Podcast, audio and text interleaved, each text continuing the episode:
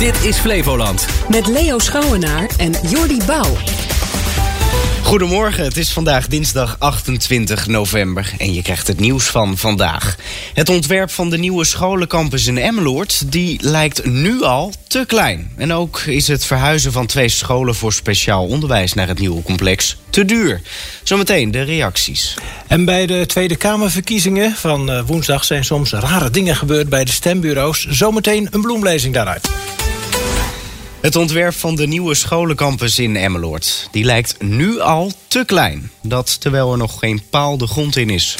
Ook kost de verhuizing eh, van het eh, voortgezet speciaal onderwijs... naar de nieuwe locatie te veel geld. Je hoort wethouder Linda Verduin. Nou, er zijn eigenlijk drie afwegingen gemaakt. Uh, um, is het wenselijk? Is het fysiek mogelijk en is het betaalbaar? Nou, we hebben de Raad een aantal overwegingen meegegeven op de is het wenselijk en is het fysiek mogelijk. Maar uiteindelijk hebben we als college gezegd, hebben we gekeken naar is het betaalbaar en hebben we gezegd het is niet betaalbaar, dat past niet binnen onze begroting om dat te doen. En wat gaat u doen dan met de bestaande gebouwen? Want die zijn oud en die zijn ook een vervanging toe.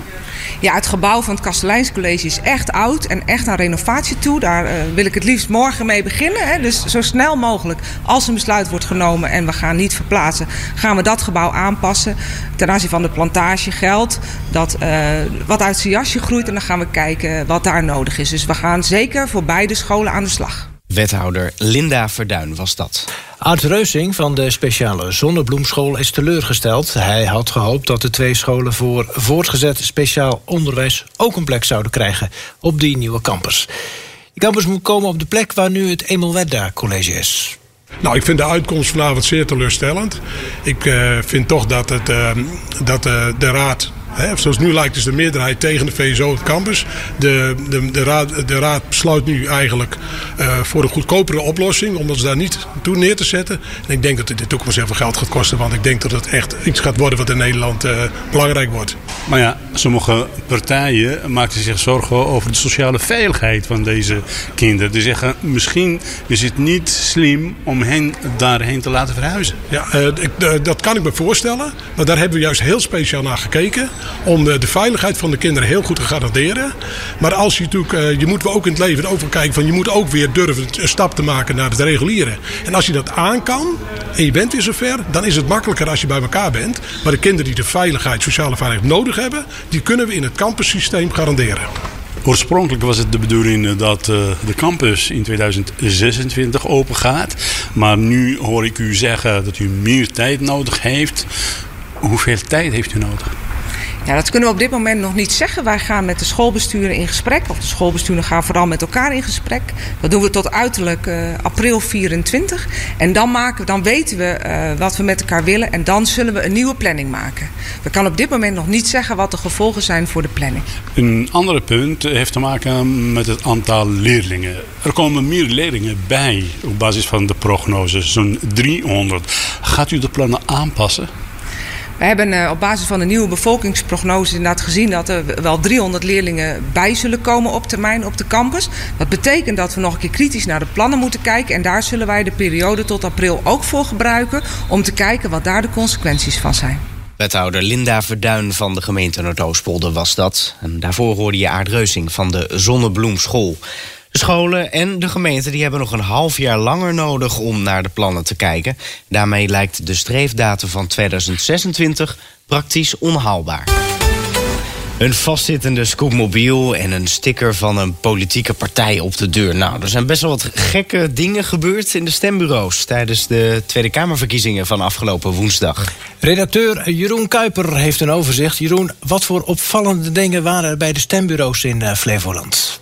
Het is echt een, een hele lijst. Um, laten we beginnen in uh, Almere. Want uh, daar ging bij het stembureau in het stadhuis het brandalarm af. Dat was rond half twaalf ochtends. En twintig minuten lang was het, werd het stembureau ontruimd. En um, ja, uiteindelijk kon er om tien voor twaalf weer gestemd worden. Maar wel moesten ze de stembussen vervangen.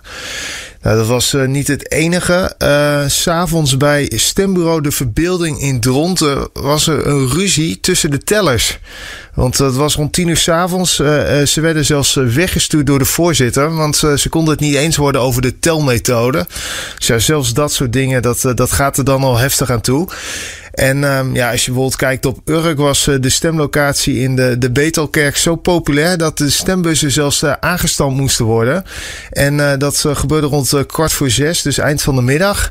En daarvoor moesten dus de bussen opengemaakt worden. En dat gebeurde in het bijzijn van een aantal kiezers. Ja, dat is natuurlijk wel, wel opmerkelijk. Ja, nou, de stembussen die werden dus aangestampt in de Betelkerk op Urk. Um, je hebt een heel overzicht gegeven. Was dat nou alles? Nee, dat is uh, niet alles. Um, ja, het stembureau uh, Open Haven 2 in Zeewolde. Uh, ja, daar kwam een persoon vast te zitten in het stemhokje met zijn scootmobiel. Want die was niet breed genoeg. Um, sowieso was er voor minder valide was het af en toe best wel problematisch om een stem uit te kunnen brengen. Want onder meer in Dronten, Zeewolde en Almere zijn dan klachten binnengekomen over de drempel van de ingang van het stembureau. Ook uh, was het uh, op sommige plekken te koud. Zo uh, zijn we zelf natuurlijk vorige week bij een tent geweest waar gestemd kon worden. Een stembureau in Almere, Muziekwijk Noord, waar, het, waar geklaagd werd over de kou. Maar ook in de, de gymzaal van de Willem de Vlamingstraat in Almere werd er bij het stembureau geklaagd over de kou. En ehm, ja, wat dus ook opviel was boodschappen van politieke partijen. Die zijn bij het stembureau verboden. Maar toch werd bij een aantal stembureaus melding gedaan dat dit toch gebeurde. Bij eh, de meerpaal in Dronten riep een kiezer op om geen VVD te stemmen.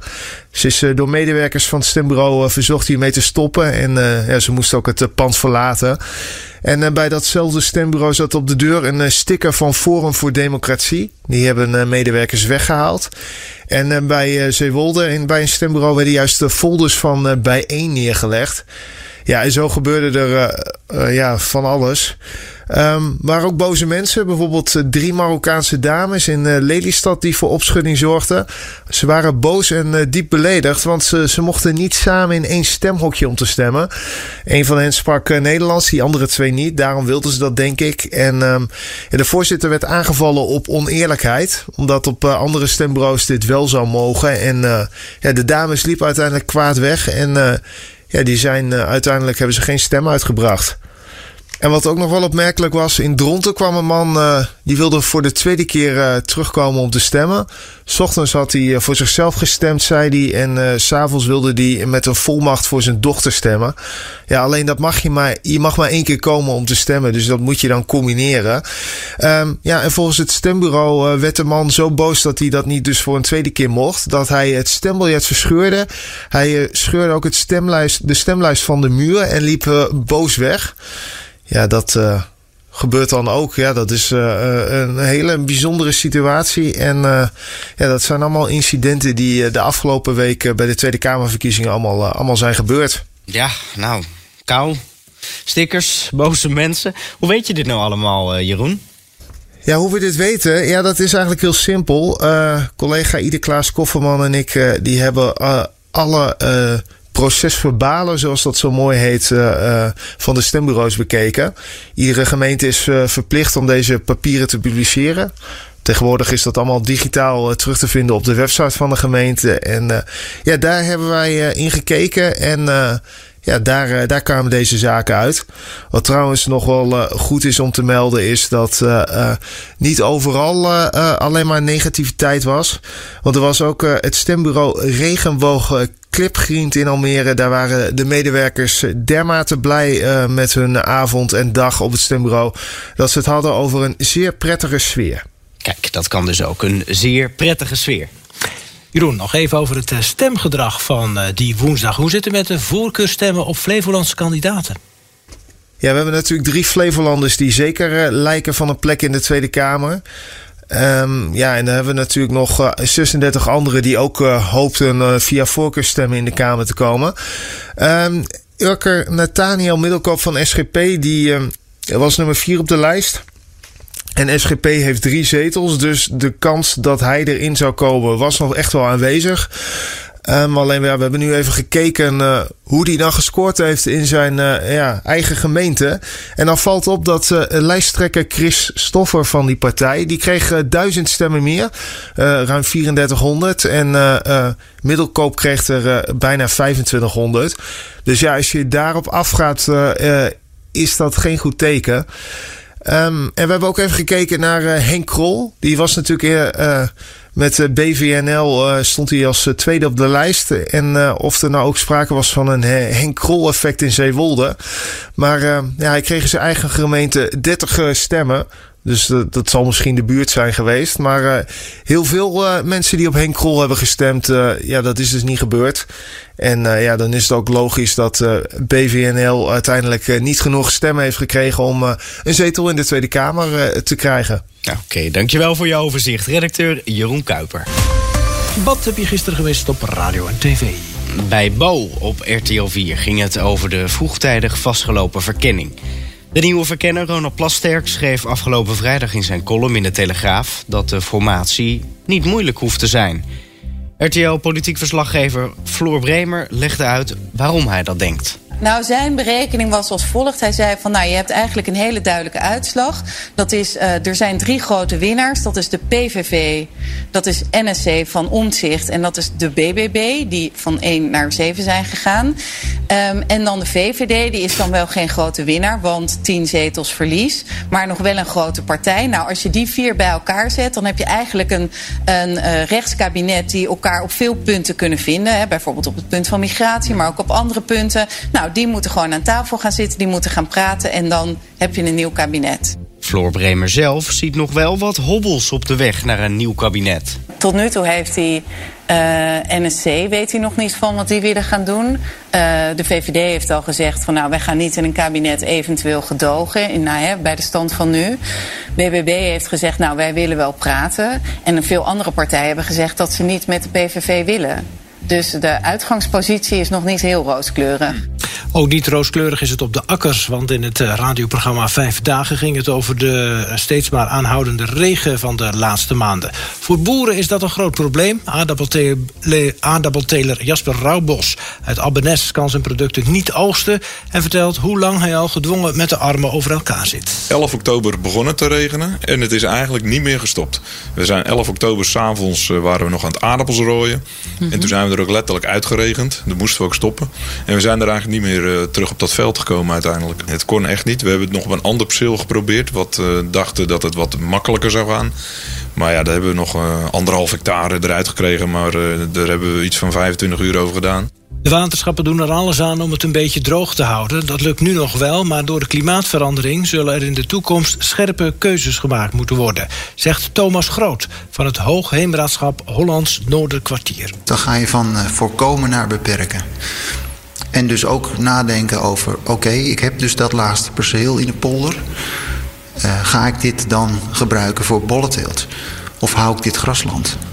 Wij gaan niet over de ruimtelijke ordening, maar we kunnen er wel uh, zeg maar op adviseren, omdat wij kennis hebben over waar heb je nou de meest kwetsbare plekken en waar zou je dus uh, bepaald grondgebruik wel of niet moeten willen hebben. Dan de sport. Riekelt Jan Brands van SV Urk. Die zit in de lappenmand. De verdediger van de Urkers kampt met liesklachten... en kan al maanden niet voetballen. Sportverslaggever Han Dijkstra zoekt hem op. Brands werd eind augustus succesvol geopereerd aan een dubbele liesbreuk. Maar de voetballer blijft last houden van zijn spieren rond de liesstreek. Ja, eigenlijk vorig seizoen te lang mee doorgelopen. Dus uh, ja, de laatste tien wedstrijden is het een beetje opkomen spelen. En uh, ja, weet je, dan wil je die laatste wedstrijden wil je gewoon spelen.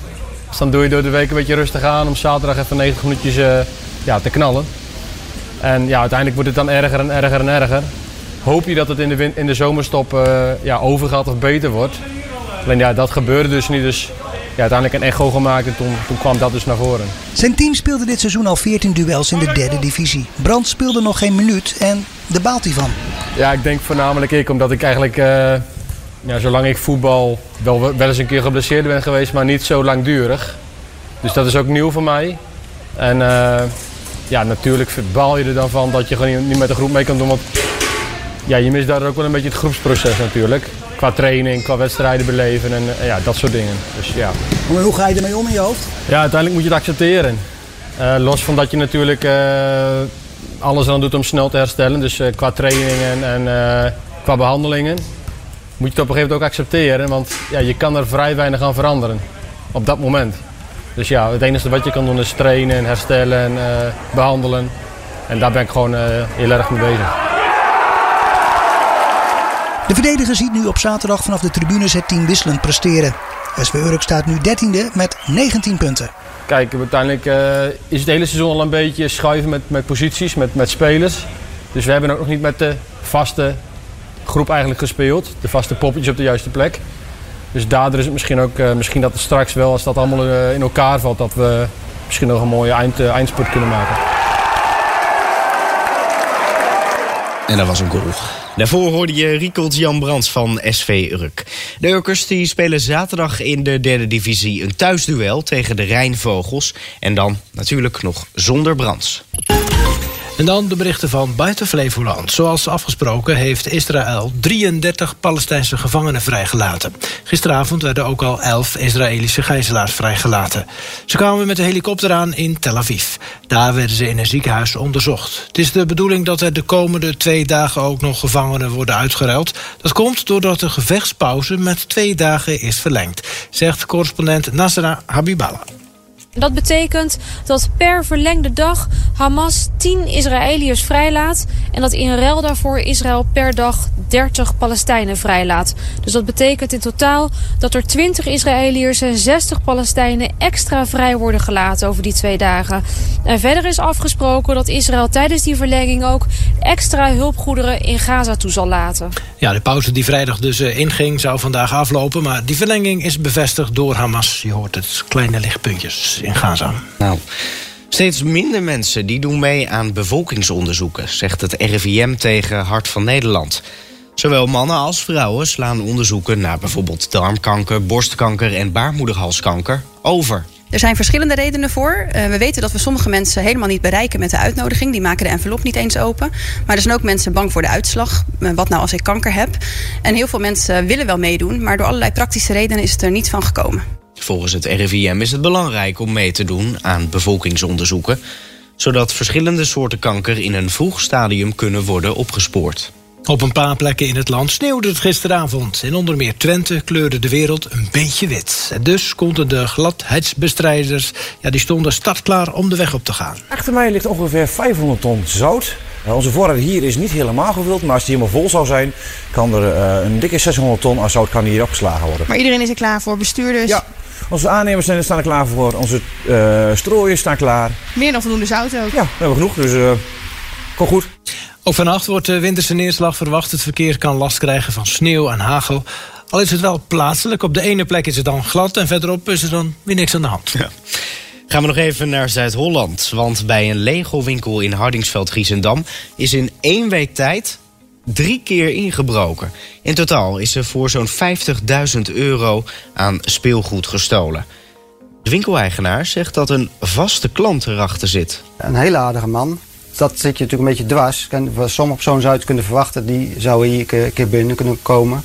Maar dat zo'n, uh, ja, voor je gevoel zo'n betrouwbaar iemand dit gewoon kan doen. Ja, na de eerste twee inbraken werd de beveiliging telkens opgeschroefd. Maar dat kon de derde inbraak dus niet voorkomen. Wel goed nieuws, de verdachte is inmiddels opgepakt. En dat waren ze, de berichten van Buiten Flevoland. Komende zaterdag ben je weer welkom in het Weekendcafé. Omroep Flevoland en Radio Lelystad zijn live te zien en te horen vanuit de Kroonpassage in Lelystad. Praat mee over actuele zaken in jouw gemeente of luister naar interessante, bijzondere en opmerkelijke Lelystedelingen. Het Weekendcafé, elke zaterdagochtend tussen 10 en 12.